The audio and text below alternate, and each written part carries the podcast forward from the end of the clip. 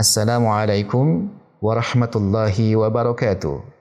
Bismillahi walhamdulillah wassalatu wassalamu ala Rasulillah wa ala alihi wa ashabihi wa man tabi'ahum bi ihsanin ila yaumiddin amma ba'du. Kaum muslimin yang semoga senantiasa berada dalam lindungan Allah Subhanahu wa taala. Marilah kita melanjutkan kembali kajian tentang adab yang diambil dari kitab Minhajul Muslim Syekh Abu Bakar Jabir Al-Jazairi.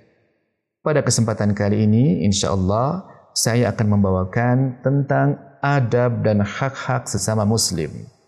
Ikhwas sekalian, setiap muslim tentunya dia telah meyakini tentang adanya hak-hak dan juga adab-adab terhadap saudaranya yang muslim. Dan tentunya seorang muslim meyakini bahawa hal demikian yaitu menunaikan hak-hak sesama muslim merupakan bagian dari bentuk ibadah kepada Allah Subhanahu wa taala dan termasuk cara untuk mendekatkan diri kepadanya. Sebab hak-hak dan adab-adab ini memang telah diwajibkan oleh Allah Subhanahu wa taala kepada setiap muslim untuk ditunaikan.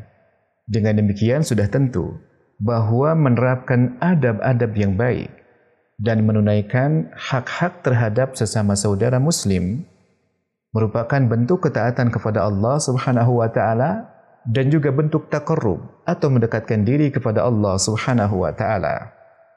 Yang pertama, termasuk adab dan juga hak saudara kita sesama muslim adalah kita mengucapkan salam kepada mereka sebelum kita mengajaknya berbicara.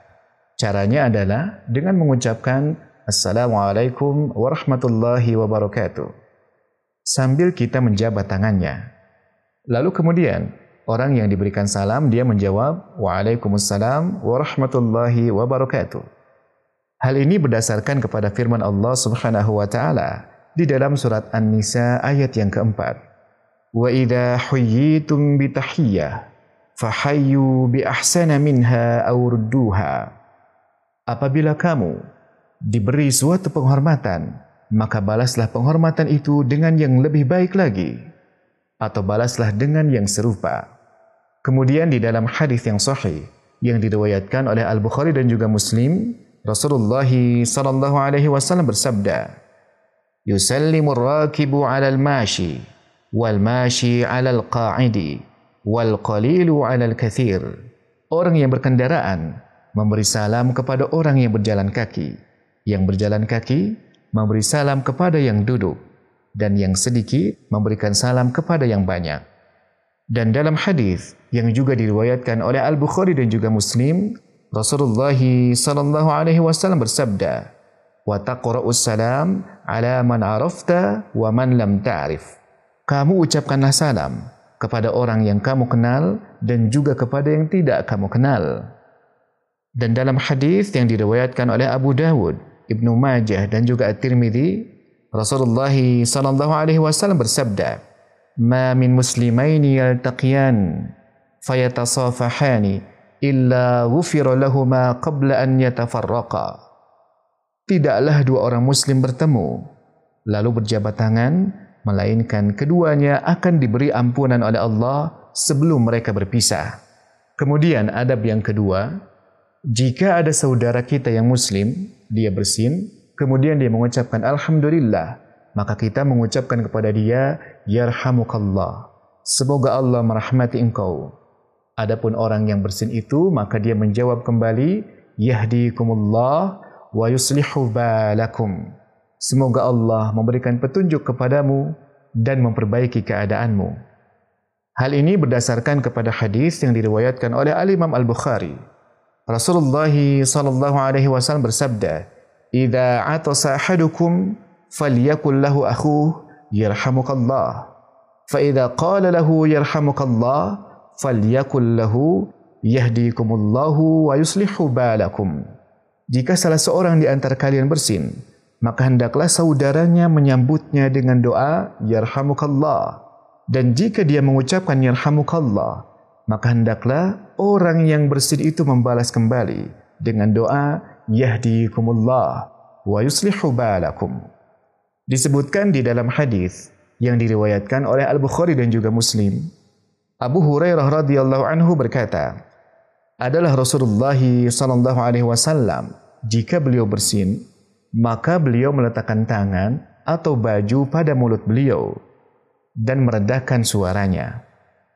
Ikhwas sekalian dan juga akhwat, kemudian adab yang ketiga adalah menjenguk saudara-saudara kita sesama muslim saat mereka sakit dan mendoakan kesembuhan bagi mereka.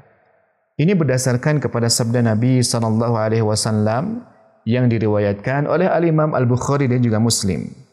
Beliau bersabda, "Hakul muslimi 'ala al muslim khamsun: raddus salam wa 'iyadatul marid wa ittiba'ul janazah wa ijabatud da'wah wa tashmitul atas."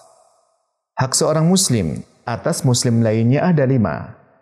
Menjawab salam, menjenguknya ketika dia sakit, mengantarkan jenazahnya, memenuhi undangannya, serta mendoakannya jika dia bersin. Dan juga di dalam hadis yang diriwayatkan oleh Al-Imam Al-Bukhari dan juga Muslim, Aisyah mengatakan bahawa Nabi SAW biasa menjenguk sebagian dari keluarga beliau yang sakit. Lalu beliau mengusapnya dengan tangan kanannya seraya beliau berdoa, Allahumma rabban nasi adhibil ba'sa ishfi anta syafi. La shifaan illa shifauka shifaan la yughadiru saqama. Ya Allah rabb manusia lenyapkanlah penderitaannya. Berikan kesembuhan karena engkau adalah yang maha penyembuh dan tidak ada kesembuhan selain darimu kesembuhan yang tidak meninggalkan penyakit lagi lalu berikutnya adab yang keempat adab terhadap sesama saudara muslim adalah menyaksikan jenazahnya jika ia meninggal. Dalilnya adalah hadis yang telah saya sebutkan sebelumnya yang menyebutkan tentang bahawa hak setiap muslim atas muslim lainnya itu ada lima.